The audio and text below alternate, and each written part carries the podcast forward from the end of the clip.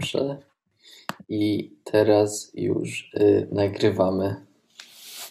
Okej, słyszysz mnie? Bardzo dobrze. A ty? Cześć Adam, y, też się słyszę. Dzisiaj rozmawiam z moim dobrym przyjacielem Adamem Kiepuszewskim, y, który poza, y, poza tym, że jest właśnie moim ukochanym przyjacielem, y, jesteś bardzo utalentowanym y, muzykiem. Jak się mówi na kogoś, kto gra na wielu instrumentach? Multi-instrumentalista. Okej, Można y, powiedzieć. wydaje mi się, że czy jesteś multi-instrumentalistą? Chyba tak, bo grasz na pianinie i na gitarze i na czymś no- jeszcze może? No, można powiedzieć, że gram trochę też na akordeonie, chociaż to jest bardzo udawane, ale mm, jakby moimi głównymi instrumentami są rzeczywiście gitara i pianino i to na nich się głównie skupiam i koncentruję, ale oprócz tego nie wiem też, czy na przykład, czy wszystkie instrumenty strunowe, czy jeśli je zebrać, typu no właśnie gitara akustyczna, gitara basowa, gitara 12-strunowa, ukulele, czy to wszystko się zalicza do jednego, no właśnie takiego jednego zbioru instrumentów, czy to jest po prostu coś już kompletnie innego, więc jakby idąc też tym torem, można powiedzieć, żebym grał pewnie na 10 instrumentach, ale jakby one wszystkie są miarę takie same, więc nie wiem, można powiedzieć po prostu, że na instrumentach strunowych, na instrumentach perkusyjnych, tak, również gram na perkusji, oraz yy, na pianinie i akordeonie. Okej, wow. E, Który, który instrument jest, twój, jest twoim ulubionym? Na którym lubisz grać najbardziej? Jest trochę podchwytliwe, bo najdłużej gram na gitarze i od niego się po prostu zaczęła cała moja muzyczna przygoda i jakby na pewno z gitarą jest po prostu związany ogromny sentyment i to jest też jakby główny instrument właśnie, który studiuję w tej chwili w amsterdamskim konserwatorium.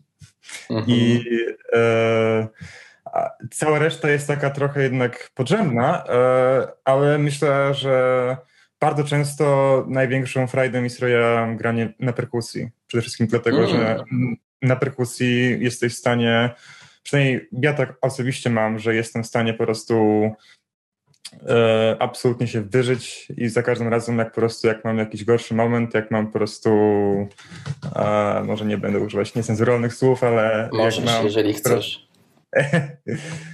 E, no, jak mam po prostu gorszy moment, bądź e, jak em, chcę wszystko jakoś wydobyć z siebie, są osoby, które na przykład wtedy ćwiczą, są osoby, które mm, idą biec, a ja właśnie dla mnie takim dobrym sposobem takiej autoterapii być może właśnie jest po prostu nawalanie na jak w garach. Więc, E, Czy to robisz z e, jakimś sensem? Tak? Chodzi mi o to, że czy to jakoś brzmi dobrze, czy to jest po prostu No moim zdaniem nie. nawalanie? Moim zdaniem niezbyt, ale czasem jest tak, że zaczynam brać po prostu jakieś poszczególne utwory i staram się grać z nimi. Grałem, miałem przez chwilę lekcje z, z perkusji, ale to też dawno i nieprawda, więc y, to mógłbym to najwyżej grać w punk rockowym zespole na perkusji, a tak to raczej bym się nie polecał nikomu. Okej. E, Jesteś teraz w Amsterdamie, uczysz się gitary jazzowej, jeżeli dobrze pamiętam. Tak Czy- jest. No? Nie, chciałem tylko powiedzieć, że jestem na drugim roku po prostu. Teraz Na drugim roku. Licencjacie, tak. Okej. I teraz, czy czujesz, że odkąd tam poszedłeś, rzeczywiście twoje umiejętności się poprawiły? Tak, zdecydowanie. To jest też może trochę inna mentalność. Nie wiem, czy to jest kwestia mojej szkoły, bo stawałem też do polskich szkół i myślę, że gdybym się znalazł właśnie w, w Katowicach czy w Warszawie, w Gdańsku, to myślę, że jakby też e, bardzo dużo bym po, po prostu się nauczył i dużo bym osiągnął, być może po prostu w nieco innych kwestiach, ale to, co najbardziej podoba mi się w Amsterdamie, jest, że niezależnie od mojej szkoły tak, tak naprawdę jest po prostu tam ogromne środowisko. Jest tam ogromne środowisko po prostu ludzi naprawdę z całego świata, gdzie z jednej strony masz osoby po prostu z południowej Afryki, z Wenezueli, z Tajlandii, po prostu z Tajwanu i też właśnie bardzo duży oddział tej wschodniej Europy, gdzie to no, całe po prostu bałkańskie wybrzeże, całe, wiesz, naprawdę mnóstwo osób i wszyscy się spotykają jakby razem w jednym miejscu i starają się po prostu zacząć komunikować dzięki muzyce, bo bardzo często angielski nie jest na idealnym, wiesz, mhm. na poziomie, więc to e, bardzo często po prostu muzyka jest tak rzeczywiście jedynym środkiem do komunikacji, co jest naprawdę wyjątkowe. Okay. Jakby każdy odkrywa siebie w ten sposób trochę. A więc rozumiem, że jeżeli są to wszystkie osoby z wszystkich części świata e, i masz jakby cały czas, każdy dostaje inspirację od kogoś innego, bo zakładam, że nie gracie tego samego wszyscy, nie uczycie się tych samych rzeczy, e, tylko każdy jakoś może ma swój styl i te style tych ludzi e, w dużej mierze się są zainspirowane tym, skąd są. Czy jeżeli, czy to ma sens? Czy tak jest? Czy jednak tak. to jest bardzo, bardzo podobne wszystko do siebie? No właśnie, to jest dobre, to jest bardzo dobre pytanie, dlatego że bardzo często może taką wadą tego typu szkół jest, że wszyscy uczymy się tak naprawdę tego samego. Ja studiuję e, gitarę jazzową i jestem po prostu na kierunku, gdzie się właśnie skupiam głównie na jazzie. I bardzo często po takich studiach, e, niezależnie od tego, czy jesteś na saksofonie, czy na, czy na perkusji, czy na gitarze właśnie tak jak ja, to bardzo często te osoby przez to, że słuchają tych samych rzeczy i się uczą od tych samych nauczycieli, po prostu zaczyna się wszystko tak zlewać ze sobą i wszyscy zaczynają brzmieć po prostu tak samo, tak? I wszyscy mm. mają mistrzów, wszyscy mają, po prostu chodzą na te same jakby koncerty i się jakby właśnie i to jest e, też bardzo często problem, więc e, myślę, że największym rozwiązaniem jest po prostu rzeczywiście iść tak konsekwentnie taką swoją drogą. I ja, gdybym się też patrzył po prostu na, na swoich znajomych, którzy po prostu bardzo często są na przykład młodsi ode mnie o 5 lat, to po prostu są już absolutnie daleko przede mną to myślę, żebym się już po prostu na początku tej drogi po prostu zatrzymał. A myślę, że bardzo ważne jest, żeby właśnie pamiętać, żeby konsekwentnie iść jakby swoją drogą i nawet jeśli ja osobiście też właśnie bardzo dużo odchodzę od e, samego stricte jazzu i bardzo dużo też mam różnych innych projektów, które no mm, niejako potwierdzają, że po, po prostu staram się to w jakiś sposób zdywersyfikować, tak. Okej. Okay. E, porozmawiamy o Twoich e, innych projektach też za chwilę, ale e, zastanawiam się, czy jest dużo takich osób, które, tak jak powiedziałeś, są o 5 lat młodsze, są o wiele bardziej do przodu od Ciebie?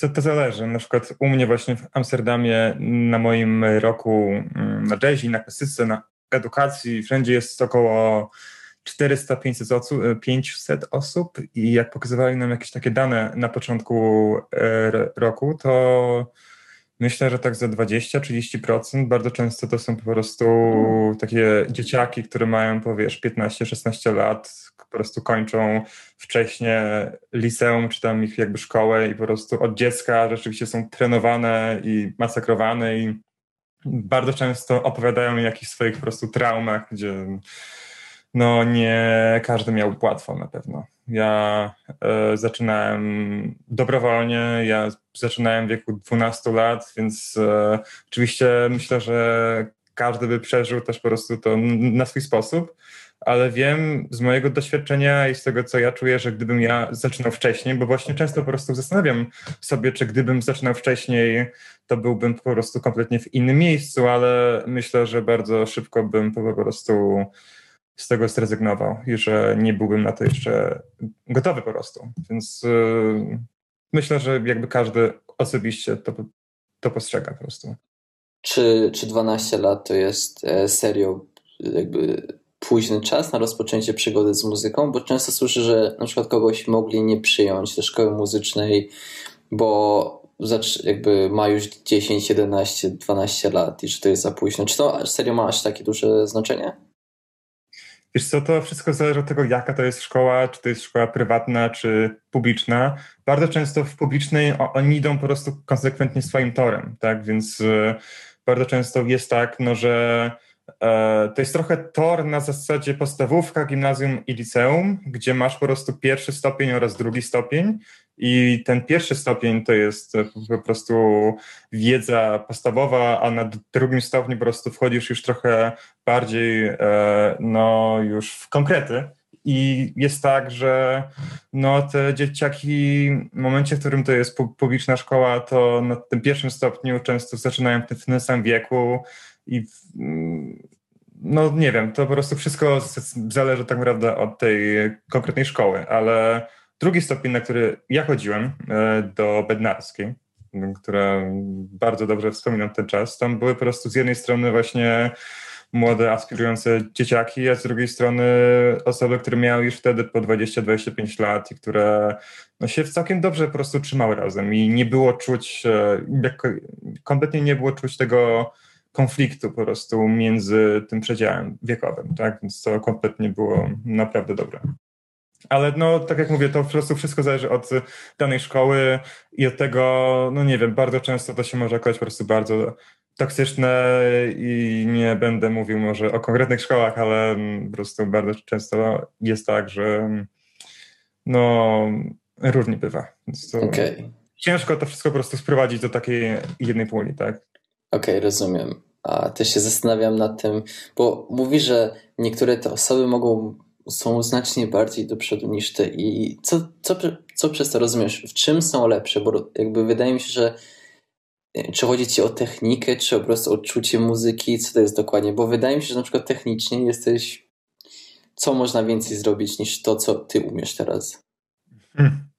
Wiesz, no ja za każdym razem, jak się spotykam z moim nauczycielem, to po prostu no to jest takie po prostu nieszczęsne, taki powrót na ziemię, po prostu takie Aha. zbicie i za każdym razem po prostu jak co tydzień się spotykam z moim nauczycielem, to uświadamiam sobie, ile jeszcze po prostu tak naprawdę mnie czeka, tak? Więc myślę, że nie ma też takiego momentu, w którym się człowiek przestaje uczyć. Jakby on też jak rozmawiam z nim, to też po prostu cały czas e, on też ma swoje wzorce, swoje inspiracje, do których on czuje, że też po prostu jeszcze nie dosięga i no tak będzie całe życie, więc po, prostu warto się do tego przyzwyczaić i po, prostu czerpać jakby radość właśnie z tej drogi, z tej nauki, którą mamy po prostu.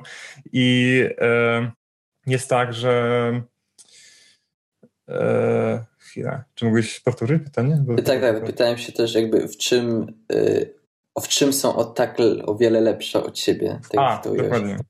Więc myślę, że bardzo często właśnie dzieci, które zaczynają znacznie wcześniej, typu 5-6 lat, po prostu od dziecka są uczone techniki, są uczone też po prostu odpowiedniej postury, odpowiedniego po prostu, no w dużej mierze to się objawia w technice, i w tym, no, że zapoznała się po prostu z tą muzyką wcześniej, więc też po prostu słuch mają lepszy, mają po prostu lepsze podstawy do dalszego działania, ale to kompletnie też nie skreśla e, zarówno moich umiejętności, jak i osób, które, wiesz, no ja za, zaczynałem te studia w wieku 19 lat, ale też z drugiej strony były osoby, które były po różnych innych szkołach, były osoby, które miały po 25, 26, więc e, no naprawdę moim zdaniem nie ma takiego momentu, w którym rzeczywiście mówisz sobie, ok, jest teraz za, za, późno na mnie i już wybrałem po prostu swoją ścieżkę i już nie chcę po prostu nic robić. Na przykład e, jeden z moich ulubionych przykładów jest e, Charles Bradley, który w wieku 62 lat bodajże wydał swój pierwszy album. Wcześniej dorabiał sobie w barach, dorabiał sobie jako stand-uper, jako wokalista po prostu w różnych miejscach, ale właśnie w wieku 62 lat wydał po prostu rzeczywiście taki swój album ze swoją oryginalną muzyką i odniósł po prostu niebywały sukces, zrobiono o nim dokumenty, przejechał po prostu cały świat. Zmarł stosunkowo niedawno, ale przez te ostatnie 10 lat swojego życia naprawdę wydaje mi się, że on też tak jakby przynajmniej wspominał w swoich wywiadach, że po prostu wykorzystał je maksymalnie i że wtedy rzeczywiście odnalazł jakby swoją drogę i może też być w drugą stronę, że ktoś po prostu całe życie właśnie uczy się muzyki, ale z drugiej strony po prostu wychodzi na, na to, że mm, to nie jest dla niego i po prostu zaczyna robić coś jakby kompletnie innego. ale no, odpowiadając na twoje pytanie, tak naprawdę to nie ma znaczenia, bo w momencie, w którym wszyscy jesteśmy na tym pierwszym roku, to no, wszyscy mamy też trochę inne predyspozycje. Typu na przykład ja przez to, że no, moja nauka się głównie objawiała na obszernym i bardzo dokładnym analizowaniu utworów, to po prostu zawsze czułem, że mam jakby bardzo po prostu skupiałem swoją uwagę na moim słuchu i na tym po prostu, żeby umieć wysłyszeć konkretne akordy, harmonie, współbrzmienia, a znacznie mniej po prostu wtedy się skupiałem na swojej jakby technice, więc nawet jeśli ktoś przychodzi, kto ma lepszą technikę po prostu i na przykład jest w stanie po prostu znacznie szybciej po prostu przebierać jakby ustami, czy palcami, czy cokolwiek, e, no to właśnie ma braki w e, innej sferze, więc po prostu to wszystko się jakoś tak, e, no nie wiem, stawiane do pionu i wyregulowywane, to trudne słowo. I po prostu zaczynamy wtedy jakby działać tak jakby z tego samego miejsca. Mimo, że zaczynamy z różnych, to właśnie to po pierwszym roku po prostu też większość osób się wykrusza, te, które właśnie uznają, no, że to jednak nie jest dla nich i potem zostają już jakby te osoby, które rzeczywiście można powiedzieć, że są mniej więcej na tym samym poziomie po prostu. Okej. Okay. Studiujesz jazz. Kto jest? Czy jest jakiś król jazzu, królowa jazzu? Są takie osoby? Czy jest ich za dużo? Jeden. Albo paru. No, może. Mm, słucham? Albo paru, jeden albo paru. Paru. Królów A... lub królowych. Polskich czy międzynarodowych? Międzynarodowych. Czy są tacy ludzie? Myślę, że zdecydowanie są. I są po prostu osoby, które bardzo często słyszę od osób, które się kompletnie nie interesują jazzem, ale które znają na przykład właśnie twórczość Milesa Davisa albo Arta Blake'ego, albo John Coltrane. Niestety w 99% Chad Baker dokładnie. Więc e, są jakby, no myślę, że takimi naj, po prostu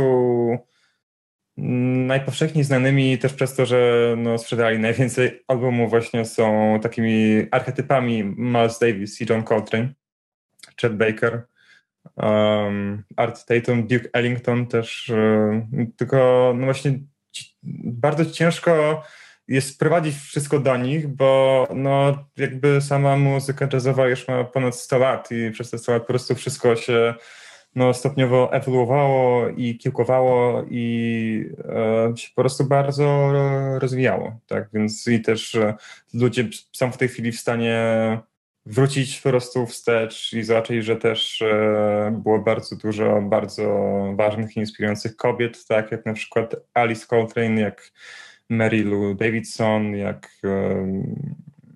no przede wszystkim wokalistki, tak, czyli Ella Fitzgerald, Sarah Vaughan czy Billie Holiday. Okej, okay. czyli to nie jest tak. koniecznie tak, że oni może są najlepsi, najlepsi, tylko akurat tak się złożyło, że przy, oprócz tego, że są bardzo, bardzo dobrzy, to też jakoś tak e, los sprawił, że też najwięcej się o nich słyszało, ale to niekoniecznie znaczy, że są takimi bogami, tak? Znaczy, to jest też w ogóle inny temat e, tak naprawdę, bo słyszałem, krąży po prostu taki, e, krążyła kiedyś taka dyskusja po internecie, gdzie e, ktoś napisał, że Beatlesi nie powinni być nazywani po prostu najlepszymi artystami wszechczasów i oni tylko przez to, bo e, sami Beatlesi, nie jestem pewien, czy to jest cały czas aktualne, e, czy na przykład Ed Sheeran, czy Drake już ich tam nie przebił po prostu w jakiś sposób, ale no jest to najlepiej, najlepiej zarabiający zespół slash artysta wszechczasów i naj, naj, po prostu naj, najwięcej sprzedanych płyt, naj, najwięcej sprzedanych też um, po prostu, wiesz, plakatów, singli, jakichś no, różnych po prostu pierdół. I, i bardzo często się nazywa właśnie ich e, również najlepszym i najbardziej wpływowym zespołem, co dużo osób się z tym nie zgadza, dużo osób nie słucha Beatlesów, tak, jakby wiem, że chyba też sam nie jesteś jakoś zbytnio fanem. Więc... To prawda, jestem fanem paru piosenek, ale jak próbowałem przesuwać ich dyskografię, to nie mogłem, szczerze mówiąc. Wydaje mi się, że w większości to to nie są.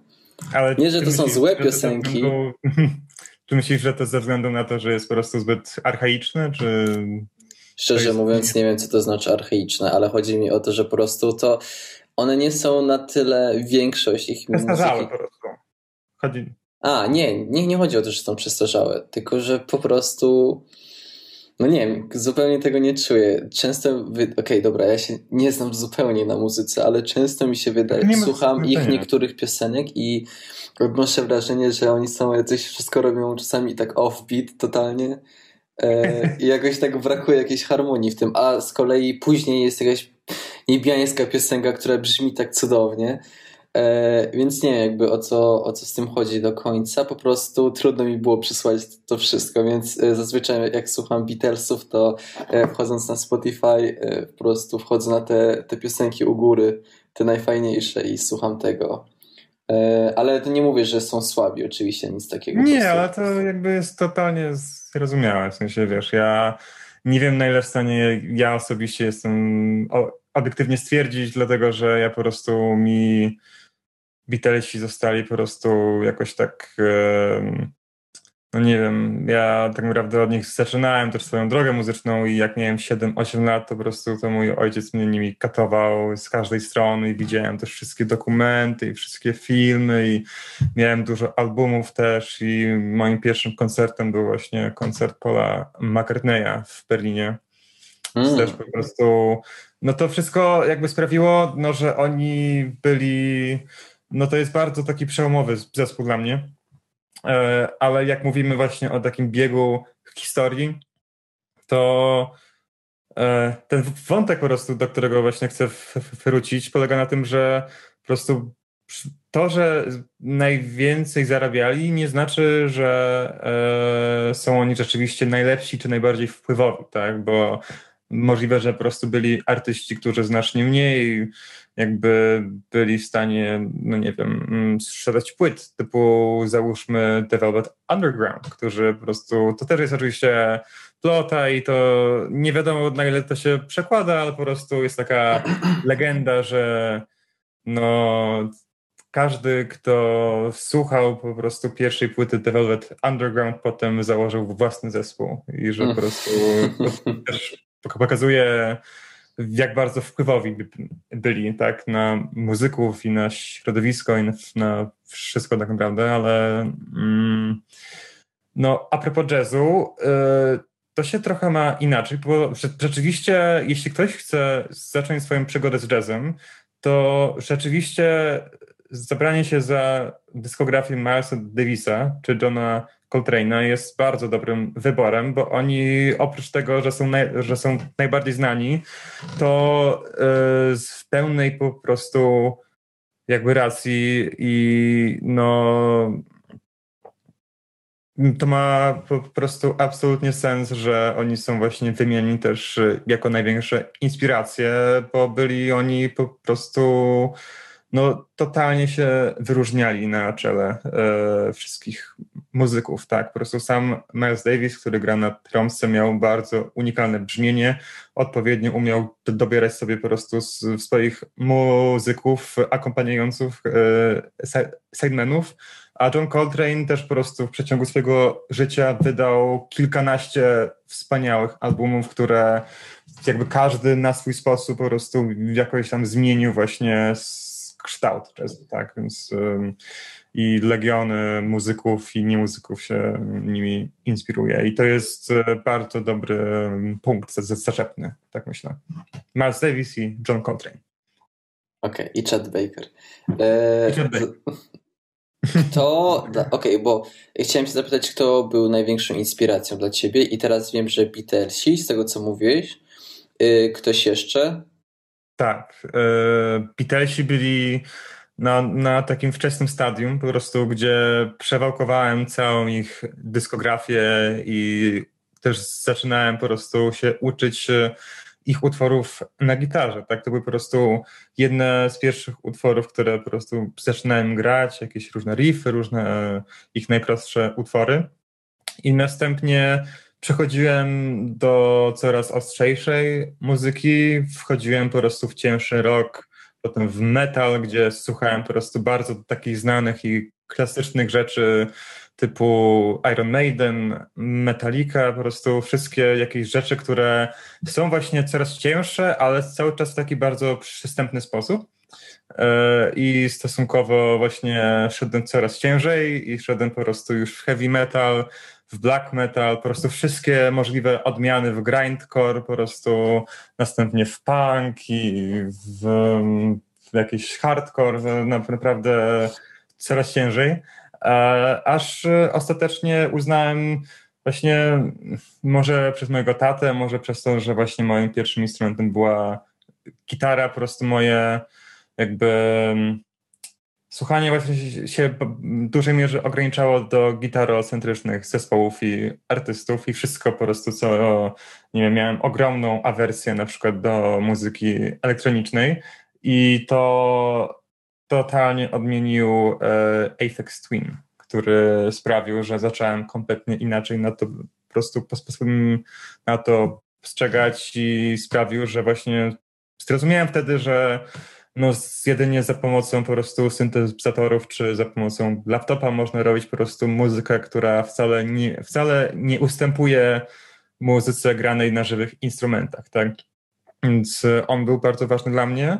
A no, w tej chwili niezmiennie zespół Radiohead jest, e, no po prostu sprawia, że to jest tak naprawdę wszystko, co chcę osiągnąć w muzyce, tak? I pod względem emocjonalnym i pod względem po prostu współbrzmień, pod względem tekstów i jakby tego, jak rzeczywiście na mnie wpłynęli i co chcę osiągnąć w swojej muzyce, jakoś tak zauważam, że bardzo często wracam po prostu do nich i świadomie bądź nieświadomie to jest rzeczywiście moja ogromna inspiracja. Okej, okay, więc Beatle, Beatlesi, przez chwilkę chciałem powiedzieć BDS, e, Beatlesi. E, to wie, może też. No. Tak, inspiruje się BDS-em. Może nim konkretnie nie, już prędzej Trapsonem w tej chwili. To jest mój gość.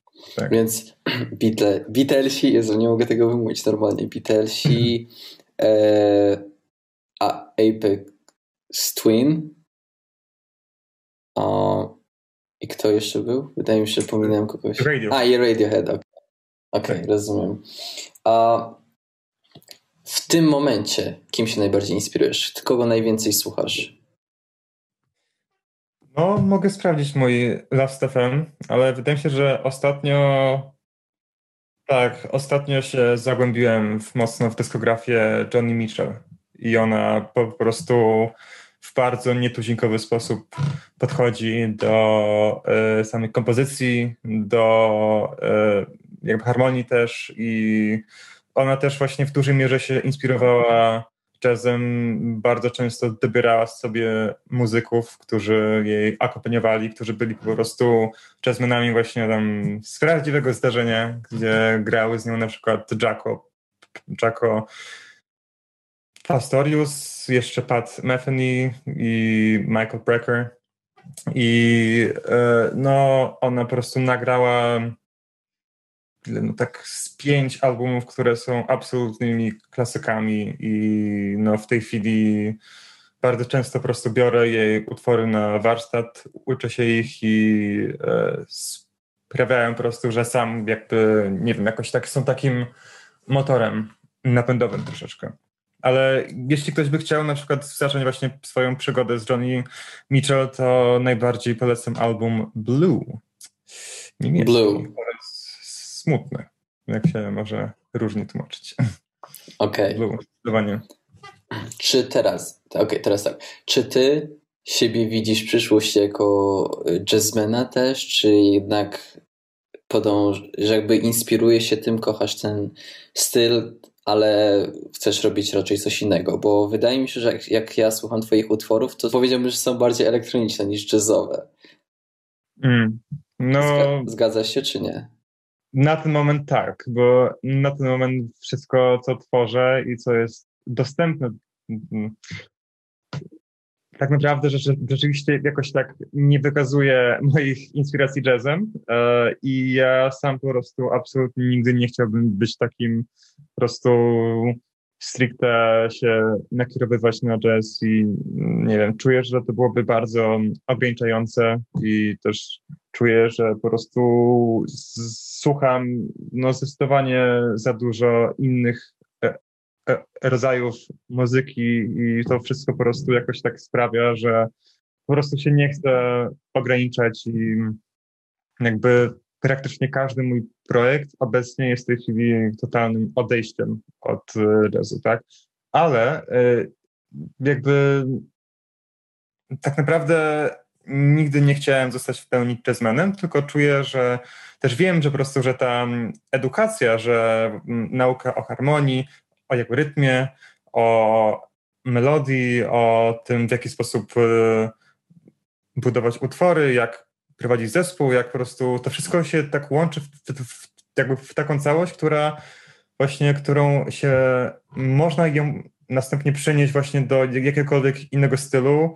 I bardzo, bardzo często jest tak po prostu, że jazz po prostu w swojej no jest bardzo często uznawany za bardzo skomplikowaną muzykę, która po prostu jest rzeczywiście bogata w swoich jakby teksturze, i bogata po prostu no, jest dość niebanalna e, w tym, żeby ją w ogóle zagrać i żeby ją przy, przyswoić, więc w momencie, w którym już przerobisz e, jakby no, te, te podstawy jazzowe, to ci da, daje z kolei podstawy, żeby grać e, jakąkolwiek inną muzykę, tak? Jakby ja też zauważyłem, odkąd studiuję jazz, to kiedy wracam na przykład właśnie do utworów Beatlesów, czy jakby Radiohead, czy czegokolwiek innego, po prostu widzę, że słyszę lepiej, że jestem w stanie je szybciej przeanalizować i po prostu dodaje mi takie postawy, żeby móc je na przykład zagrać od razu, tak? I mój słuch też jest w ten sposób znacznie bardziej jakby rozwinięty, więc ja nigdy bym nie chciał grać stricte jazzu, bo oprócz tego się interesuję w dużej mierze muzyką filmową i bardzo bym chciał iść w tą stronę i jeśli jakikolwiek reżyser tego słucha, to bardzo chętnie zrobię muzykę do, do, do filmu. Okej, okay, więc ty uczysz się tego wszystkiego, ale, e, ale myślisz o tym, żeby zostać muzykiem filmowym, tak? Przede wszystkim, ale też myślę, że żyjemy w tej chwili w takich czasach, e, w których bardzo, no, bardzo ryzykowne tak naprawdę jest właśnie w pełni określanie się i w pełni jakby takie kategoryzowanie, bo no, żeby się móc utrzymać jako niezależny muzyk, żeby móc po prostu jakkolwiek zaistnieć, zaistnieć, zafunkcjonować, trzeba po prostu trochę łapać się wszystkiego naraz i e, prostu nie wykluczam też jakby tego, no, że w dużej mierze będę uczył, będę działał jako muzyk sesyjny, będę po prostu jakby komponował. Na przykład, zamierzam też właśnie zacząć komponować coraz częściej do jakby reklam, do różnych spotów i e, oprócz tego się uczę produkcji, miksu i masteringu, Oprócz tego jeszcze mam właśnie swoje projekty, z których raczej nie zamierzam z nich zarabiać, ale pod względem właśnie takim utrzymania się, to no, trzeba po prostu próbować różnych rzeczy, bo no, bardzo często jedno źródło utrzymania to jest za mało. Okej. Okay. Czyli widzisz siebie i jako, jako solowego artystę w przyszłości, ale i też jako kogoś, kto gra w zespole. Okej, okay, rozumiem. E, a propos, to super, to bardzo fajne. E, a propos Twoich własnych projektów. E, pogadajmy przez chwilę o Młodym Buddzie. Skąd się wziął pomysł, chociażby na nazwę? Czy to było takie, czy nagle Ci to wpadło do głowy i stwierdziłeś, ok, to będzie to? Czy to ma jakieś e, głębsze, słuchaj, głębsze znaczenie? Trochę ma głębsze znaczenie. Przede wszystkim dlatego, że miałem w liceum zespół, który się nazywał Fat, like Buddha można, jest to tłumaczone dwojako, dlatego że można to po prostu przetłumaczyć jako gruby jak Buddha, ale również fat e, pisane przez ph może oznaczać e, taki podniecający, seksowny wręcz jak mhm. Buddha, więc po prostu to jest e, no, to było jakoś tak bardzo dziwnie przemyślane. Mieliśmy 16 lat i byliśmy bardzo, bardzo profesjonalni, więc e, no ten zespół, jak się domyślasz, nie potrwał zbyt długo. Zagraliśmy z parę koncertów i się rozpadliśmy. Mm. Ale... Kto, kto był jeszcze w tym e, zespole? E, tak, więc e, byli jeszcze e, w tym zespole Bartłomiej Czapski na basie, którego serdecznie pozdrawiam. E, Patrycja Wejbrańczyk na perkusji, którą też pozdrawiam i bardzo polecam jej album, który został nominowany na Fryderyka jako o. najlepszy e, album debiut jazzowy bodajże, więc serdecznie jej gratuluję i pozdrawiam również, jeśli tego słucha. I Filip Wieczorek, wokalista który też niedługo wystartuje z własnym solowym projektem, więc e, miejcie się na ważności.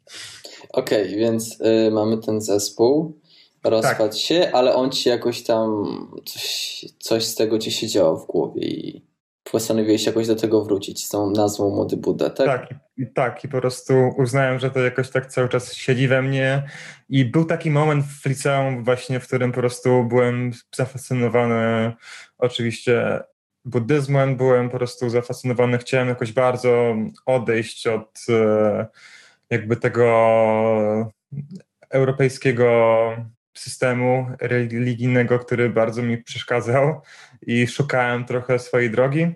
I co ciekawe, w buddyzmie nie, jej nie znalazłem. I no właśnie z czasem dostrzegłem też po prostu zaskakująco dużo wad i obecnie raczej bym powiedział, że jestem antyreligijny, ale nazwa została, bo myślę, że w ogóle cała, nie wiem, jest to cały czas w jakiś sposób intrygujące jest to takie no, może to jest takie trochę postkolonialne myślenie, ale w jaki sposób to cały czas się wydaje po prostu dla nas takie odjechane i orientalne. I cała ta po prostu estetyka właśnie buddyzmu sprawia, że jakby ludzie myślą sobie, o, coś tutaj, coś jest tutaj na rzeczy. I jakieś takie moje licealne fascynacje się cały czas za mną ciągną i kto wie, może jeszcze do tego wrócę kiedyś. Ale młody Buddha się zaczął w bardzo prosty sposób, mianowicie e, zacząłem tworzyć bity, po prostu na, najpierw na moim iPadzie, a następnie na komputerze zacząłem się uczyć też produkcji muzycznej i nagrywać e, również wokale, następnie je tam próbować po prostu nad nimi pracować, jakby uczyć się miksu, masteringu, uczyć się je po prostu obrabiać. I uznałem, że no, ten projekt e, od samego początku mm, nie był tak naprawdę za poważny i no te teksty, które pisałem, zazwyczaj zajmowało mi to może 10-15 minut, wymyślałem sobie jakiś no, temat i, i zaczynałem pisać teksty na przykład o wdychaniu kleju, bądź o, o jakichś e, traumatycznych e, doświadczeniach z balu gimnazjalnego albo po prostu jakieś bardzo mm, no, randomowe rzeczy i coś, co właśnie zaczęło się jako taki żart e, w momencie, w którym uświadomiłem sobie, że to mi sprawia na tyle dużo radości i że mógłbym zacząć to w jakiś sposób pre prezentować swoim znajomym, mógłbym też właśnie się e, pokazać po prostu też niejako śledzić właśnie e, na podstawie tych utworów, e, o ile jak bardzo po prostu się rozwijam w kwestii właśnie miksu i produkcji, bo zaczynałem od bardzo prostych bitów na iPadzie, które były po prostu absolutnie strasznie wyprodukowane, do, no w tej chwili już co, już dwa lata później po prostu czuję, że rzeczywiście jestem w stanie w jakiś sposób udokumentować ten mój postęp, więc e, to w dużej mierze też jakby czuję, że bardzo się dużo od jakby z tego uczę, A, ale też no ten projekt jest dla mnie po prostu dużą odskocznią od jakby tego, od tej takiej poważnej muzyki, którą jest jazz i który bardzo często po prostu może mylnie trochę, ale często się uznaje po prostu jazz jako muzykę, która jest po prostu nie wiadomo jak wyrafinowana i ambitna i tylko i wyłącznie po prostu słuchana na salony, co no, w ostatnich czasach e, jest coraz mniej prawdą, tak? I to bardzo dobrze, że po prostu rozstaje się, się bardziej taneczna i przystępna i jakby od zawsze po prostu jakby, nie wiem, od zawsze tak było. Ale e, potrzebowałem po prostu jakiejś odskoczni i ten projekt był właśnie idealną odskocznią. I on, rozumiem, że on nadal będzie, jakby nie, nie przestajesz. W sumie właściwie niedawno wydałeś nawet epkę swoją pierwszą. Nie, nie no, to nie jest epka, to jest, e, to jest, ja to nazywam projekcik, dlatego że trochę nie wiem, czym się różni w takiej sytuacji album od epki, bo najczęściej Ewki to były po prostu długie single, gdzie składało się zazwyczaj trzy albo cztery utwory. Obecnie epki mogą trwać dłużej, bo to też zależy chyba po prostu od tego, no kiedy jeszcze były tylko i wyłącznie winyle, to były po prostu mniejsze. Eee, chyba, o Jezu. Hmm. Były dwunastocalówki i były jeszcze właśnie siedmiu bodajże. Eee, ale po prostu to wszystko jakby na, na płytę winylową mogło się zmieścić właśnie tam, nie można było po prostu przekroczyć e, jakiejś długości po prostu, e, więc bardzo często te mniejsze płyty to było ileś tam minut, więc mogłeś tam wstawić na przykład 10 jednominutowych utworów albo właśnie ze 3-4 po prostu, które mają po 4-5 minut, więc to po prostu to jest sam skrót EP jest od Extended Play, więc e, to jest po prostu trochę większe niż single, który jest składa tylko z dwóch utworów, a long play, czyli LP, po prostu jest już, e, no, jest już znacznie dłuższą formą i mm, nie wiem, to jest szczególnie w tej chwili po prostu w czasach streamingów to wszystko jest bardzo niejasne, co jest czym, e, a ten projekcik, jak to właśnie nazywam, bo po prostu bardzo już tak chciałem się wymknąć kategoryzacji i bardzo nie chciałem po prostu tego nazywać albumem albo właśnie epką. Ma, sze ma sześć utworów i każdy z nich jest całkiem długi. W sensie te utwory mają tak po 5-6 minut, czasem 7, więc yy, nie jest tak, że to jest jakiś najkrótszy projekt, ale po prostu mam wrażenie, że był trochę za, trochę za krótki, żeby być albumem, ale za długi, żeby być epką, więc po prostu jest to projekcik i się tego może trzymamy. Okej. Okay. E, fajnie, że powiedziałeś o, e, o tym EP, LP. Właściwie nie wiedziałem, e, od czego to są skróty. Dobrze się dowiedzieć czegoś takiego. Czy ty masz jakąś ulubioną piosenkę z twojego projekciku? Właśnie patrzę na to, to trwa 31 minut. A czy jest 31? 31 minut 21 sekund, rzeczywiście. Ale już bym powiedział szczerze mówiąc, że to może być zaliczane jako To jest album. już długość albumu. No właśnie. Pamiętam, że na przykład e, Slayer e, ich album Raining Blood e, trwał 29 minut, a miał 12 utworów, więc e, równie dobrze to może być, być album tak naprawdę, ale nie wiem, ja na tym mówię projekcik. A chyba a. Wack World, Tier Wack trwał 15 minut, tak mi się wydaje. Tak, tak 15 jest, minut. Prostu... A to też jest album. Bardzo inspirują mnie jakby koncepty, które trochę wychodzą poza te jakby ramy albumowe, gdzie ktoś na przykład robi oprócz tego jeszcze film, który trwa właśnie cały album, albo ktoś wydaje go po prostu w, w nietypowy sposób. I właśnie ostatnio Tierra Wack e, ten album World, wszystkie utwory trwają tam idealnie minutę. Mhm. I to ma po prostu chyba właśnie z 15 utworów, 15 minut, bardzo jest to takie po prostu precyzyjne. Albo jest taki zespół King Gizzard and the Lizard Wizard, po prostu pokręceni ludzie z Australii, którzy za każdym razem, jak wydają nowy album, to właśnie zmieniają trochę jego koncept, gdzie na przykład na, mm, chyba w 2016 bodajże wydali album Nonagon Infinity. Jest to dziewięć utworów, które i ostatni utwór się idealnie zapętla z pierwszym. Po prostu mm. idealnie przechodzi w pierwszy utwór, więc w momencie, w którym słuchasz go na streamingach, to ten album się po prostu nigdy nie kończy. i jesteś w stanie go mm. po prostu zapętlić w nieskończoność. Więc to też jest po prostu, nie wiem, jakoś tak czuję, że to jest e, po prostu zupełnie nowe właśnie trochę podejście do tego tematu. I największą rewolucję moim zdaniem w ostatnim czasie zrobił Kanye West e, na swoim albumie The Life of Pablo, gdzie za pomocą streamingów i tym, że te utwory jesteś w stanie po prostu zmienić, on e, wydał pierwszą wersję, z której nie był do końca zadowolony i przez pierwsze tam dwa miesiące po prostu praktycznie co chwilę zmieniał jakby te istniejące już utwory. I po prostu, nie wiem, to też pokazuje, że właśnie, że to jakby album, w momencie, w którym go masz w wersji fizycznej, on jest już po prostu skończony i nie jesteś w stanie go w żaden sposób zmienić, a przez to właśnie JSON do, do odsłuchania na streamingu w, w, internecie masz cały czas możliwość, żeby go w jakiś sposób zmienić i jakoś, nie wiem, to sprawia, że e, po prostu są jakieś takie nieskończone możliwości po, e, poprawiania tych utworów, co też może być oczywiście zgubne, ale nie wiem, myślę, ty, że to ciekawe. Czy ty widzisz siebie poprawiającego na przykład e, z tego pierwszego twojego albumu, e, swojego projektu, przepraszam, żebyś to w przyszłości poprawiał, zmieniał? Czy już jest, chcesz, żeby to było tak, jak jest teraz?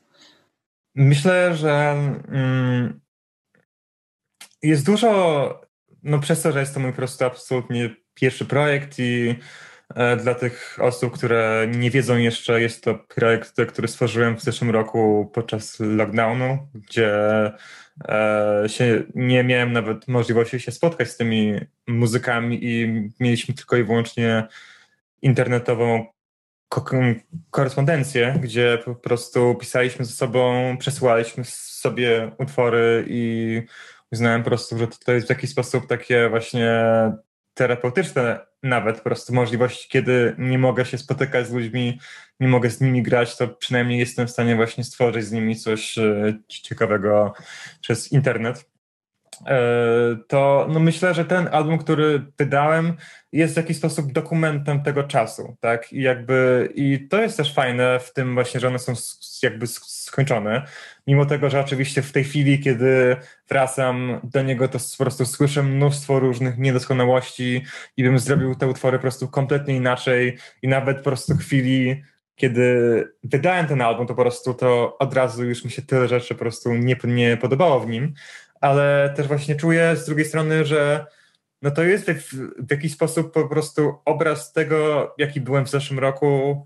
Jest to po prostu, myślę, że za każdym razem, jak będę wracał do, do, do tego projekciku, to um, no to będę po prostu wspominał ten czas i jest to właśnie tak um, udokumentowane. I myślę bardziej o tym, żeby na przykład móc zrobić jakieś remiksy tego albumu, bądź po prostu wydać go kiedyś, tylko że w zupełnych, zupełnie innych aranżacjach, na przykład akustycznie, bądź e, tylko i wyłącznie na, nie wiem, na mandolinie i na banjo. To jest jakiś pomysł. Jakie, jakie nowe projekty e, masz teraz? Na, na, nad jakimi nowymi projektami pracujesz?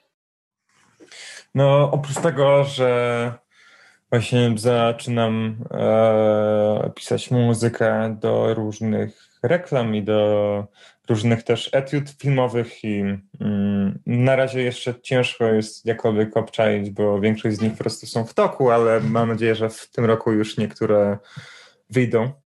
Mm, oprócz tego w tej chwili w Amsterdamie mamy nowy zespół, mm, który... Numer 27? Numer 27, no wiesz, one wszystkie po prostu tak szybko, jak się zaczynają, tak szybko się kończą, ale no, mam takie przeczucie, że ten zespół może troszkę dłużej jakoś tak, e, nie wiem, być, że być może po prostu przetrwa próbę czasu i nie wiem, no jakby czuję, że mm, to jest po prostu bardzo ważne, bo też jest właśnie taką dużą odskocznią od rzeczywistości. To jest zespół, ja bym określił tę muzykę jako punk, tylko, że mm, no, jest w tym bardzo dużo takiej ukrytej agresji i mamy też wokalistę, który właśnie krzyczy i grauluje i po prostu dużo jest właśnie takiej emocji po prostu wydobytych z siebie i można to oczywiście spróbować w jakiś sposób e, skategoryzować. Typu, nie wiem, najbliżej jest e, do muzyki hardkorowej, do tam emo, jakiś po prostu post math rock, jakieś takie pojechane gatunki, ale myślę, że to właśnie na tyle staramy się też czerpać nasze inspiracje po prostu z innych miejsc, że jest to po prostu, no to nazewnictwo jest totalnie nieważne, więc w dużej mierze jest to po prostu bardzo punkowe, bardzo takie anty-establishmentowe i nie wiem, właśnie wydaje mi się, że dużo będziemy, chcemy jakoś tak e, mieć konkretny przekaz po prostu. Dużo, jest obecnie dużo rzeczy, rzeczy, z którymi się nie zgadzamy na tym świecie i myślę, że to będzie miało właśnie odzwierciedlenie w tej muzyce. Obecnie pracujemy nad, nad utworami oraz nad klipem i już niedługo myślę, że będzie można zobaczyć tego efekt i się nie możemy doczekać, aż będzie można zacząć grać koncerty. Też się nie mogę doczekać. A propos koncertów, w sensie zaraz będziesz kontynuował o swoich projektach, ale też się zastanawiam, czy jeżeli kiedyś w końcu ta cała sytuacja z, z wirusem się skończy też, czy koncerty Młodego Buddy powrócą?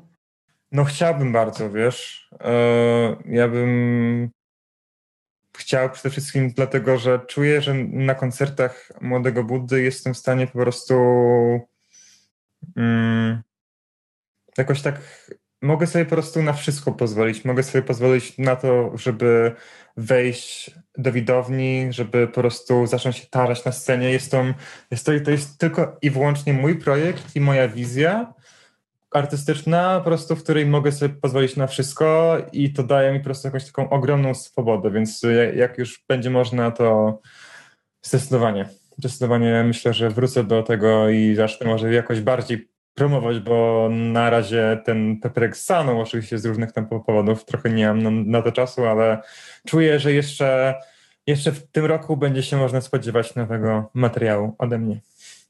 Nie mogę się doczekać. Okej, okay, więc mamy Młodego Buddy, mamy koncert, w, y, nie koncert, przepraszam, zespół w Amsterdamie. Czy pracujesz nad jakimiś tam, z tego co mówisz, reklamami, e, czy jest jeszcze jakieś, czy są jakieś inne projekty? Chyba robisz coś z e, Walerianem. Tak, jest to również e, coś, co no, w tej chwili niedługo zaczniemy intensywną promocję, więc też miejcie się na baczności, bo no, myślę, że to jest projekt, o którym usłyszycie wszędzie. Ja, wow. no, takie małe, wiesz, nie wiem, jest też szansa po prostu, że nikt o tym nie usłyszy i, i nie wyjdziemy poza nasze grono znajomych, ale myślę, że w dużej mierze wierzymy w ten projekt. To jest projekt e, Maćka Bisiorka, który jest moim e, dobrym znajomym i e, ja odpowiadam za część muzyczną, on odpowiada za, za część artystyczną, jest wokalistą, również przychodzi do mnie po prostu z, z pomysłami na utwory. Ja je obrabiam i przerabiam w taki sposób, żeby były po prostu już odpowiednio zaaranżowane, wyprodukowane, zmieniam po prostu jakieś elementy w melodii, w harmonii, w tekstów mu nie zmieniam, już jakby tego się nie ruszam, ale no, po prostu to jest w dużej mierze nasza wspólna wizja, gdzie zamierzamy. E, no, już w tej chwili wydaliśmy trzy single i nasz czwarty teraz zamierzamy włożyć trochę więcej pracy w promocję, więc e, myślę, że wyjdzie tak za miesiąc. W tej chwili kończymy mix i master i zaczniemy go morderczo promować, więc już mogę przedpremierowo powiedzieć, że utwór się będzie nazywał Ciągle tańczę i mamy nadzieję, że w dużej mierze przyniesie radość oraz um, takiej, nie wiem, to takiego ciepła w tych niepewnych czasach. Też mam taką nadzieję. Czy, czy jest jeszcze coś, na czym pracujesz? No obecnie też staram się skupiać na swojej szkole i staram się, wiesz, w jakiejś mierze po prostu nadrabiać mm, moją naukę, ale no wszystkie inne projekty, które były na ten moment są zawieszone, więc myślę, że nie ma co też o nich mówić, więc jakby głównie możecie um, ktokolwiek tego słucha i jestem zainteresowany, to już możecie w tej chwili obczaić na wszystkich streamingach, na YouTubie i na Spotify'u zarówno Młodego Buddę, jak i Valeriana. A e, mój zespół hardkorowy, czy tam punkowy, nie wiem, mm, no jeszcze jeszcze nie jesteśmy dostępni na social mediach, ale myślę, że niedługo wystartujemy już z tym, więc możecie oczekiwać. Czy, czy jak to jest?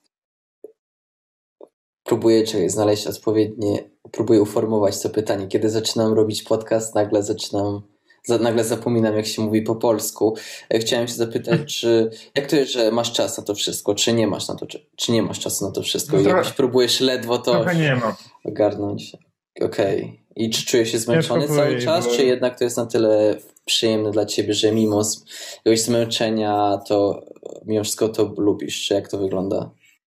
Ja mam wrażenie, że ja bardzo, jakoś tak bardzo nie umiem się nudzić i za każdym razem jak odczuwam po prostu właśnie, że się nudzę, to automatycznie po prostu zaczynam robić coś nowego, coś, co mnie w jakiś sposób po prostu jakby pochłonie i to sprawia, że no właśnie tych projektów, nie wiem czy to jest najlepsze, bo po prostu mam coraz więcej tych projektów i bardzo często nie, nie po prostu nie, no nie kończę tych rzeczy, które zaczynam, ale też e, nie wiem, w dużej mierze e, no to jest też kwestia odpowiedniego rozporządzenia jakby swoim czasem, ale też e, zdarza się tak, że na przykład w tej chwili jest miesiąc, gdzie bardziej pracuję nad Walerianem, a mam trochę prostu przerwę od Młodego Buddy. Następnie będę pracował właśnie bardziej nad promocją tego innego zespołu, o którym jeszcze no, nie mogę jeszcze zdradzić za dużo, ale będzie na pewno bardzo ekscytująco.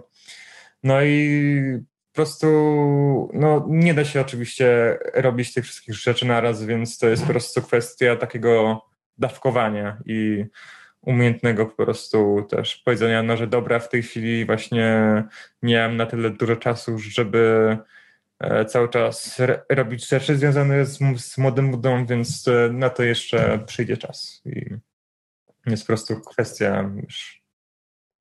Rozumiem. Czy, czy, czy jest coś jeszcze czy co robisz, jak nie zajmujesz się muzyką właściwie? E, zastanawiam się nad tym, co robisz, kiedy nie zajmujesz się muzyką. Mało jest w sumie takiego czasu, ale staram się wtedy. No, w dużej mierze się interesuję też filmem, więc yy, bardzo często, może nie codziennie, ale przynajmniej co drugi dzień staram się nadrabiać moje zaległości filmowe, staram się też nadrabiać moje zaległości socjalne i e, no w dużej mierze, nie wiem, właśnie to jest też um, w dużej mierze muzyka to jest no 90% mojego czasu, tak, ale prostu wtedy, kiedy nie, nie siedzę nad muzyką, to właśnie że bardzo dużo czerpię z moich jakby kontaktów i z moich po prostu z takiej z potrzeb społeczno-socjalnych, tak? Więc staram się również spędzać dużo czasu z moją dziewczyną i spędzać czasu po prostu z moimi najbliższymi przyjaciółmi, więc nadrabiam po prostu te zaległości. Staram się utrzymywać moje kontakty. A w alternatywnym świecie, gdzie Adam nie zajmuje się muzyką, tylko trafił na coś innego, to właśnie co, co byś robił? Gdyby nie było muzyki gdyby, i gdybyś mógł robić cokolwiek, to co, co by to było? Powiedziałbym film, ale film w dużej mierze też jest związany z muzyką i by nie mógł istnieć bez muzyki, więc e, Trochę ciężko powiedzieć, bo czy w tym świecie by nie było w ogóle muzyki, czy... Byłaby muzyka, ale ty byś się zajmował czymś... Akurat tak by się złożyło, że nie zajmowałbyś się muzyką. Pytam no się po prostu, filmy. czy są jakieś inne... Aha, dobra, czyli filmy. Rozumiem. Tak, to się tak, kręciłbyś tak. filmy? Bym okay. pisał albo, albo bym pisał scenariusze, albo był za kamerą. Po prostu filmy zawsze mnie właśnie tak naprawdę też fascynowały i myślę, że w dużej mierze może to się jeszcze kiedyś stanie. Okej. Okay. Panie i panowie, to był Adam Kiepuszewski, któremu bardzo, bardzo dziękuję za rozmowę. E, czy jest jeszcze coś, co chciałbyś, nie wiem, jakoś wypromować, czy jakoś dać o czymś znać? Wejdźcie na Spotify'a i na streamingi Młodego Buddy i Valeriana i yy, zapędlajcie. Dobrze. To jeszcze raz dziękuję Ci bardzo, Adam, za rozmowę i hopefully usłysz- do usłyszenia niedługo. Dzięki wielkie, Piers.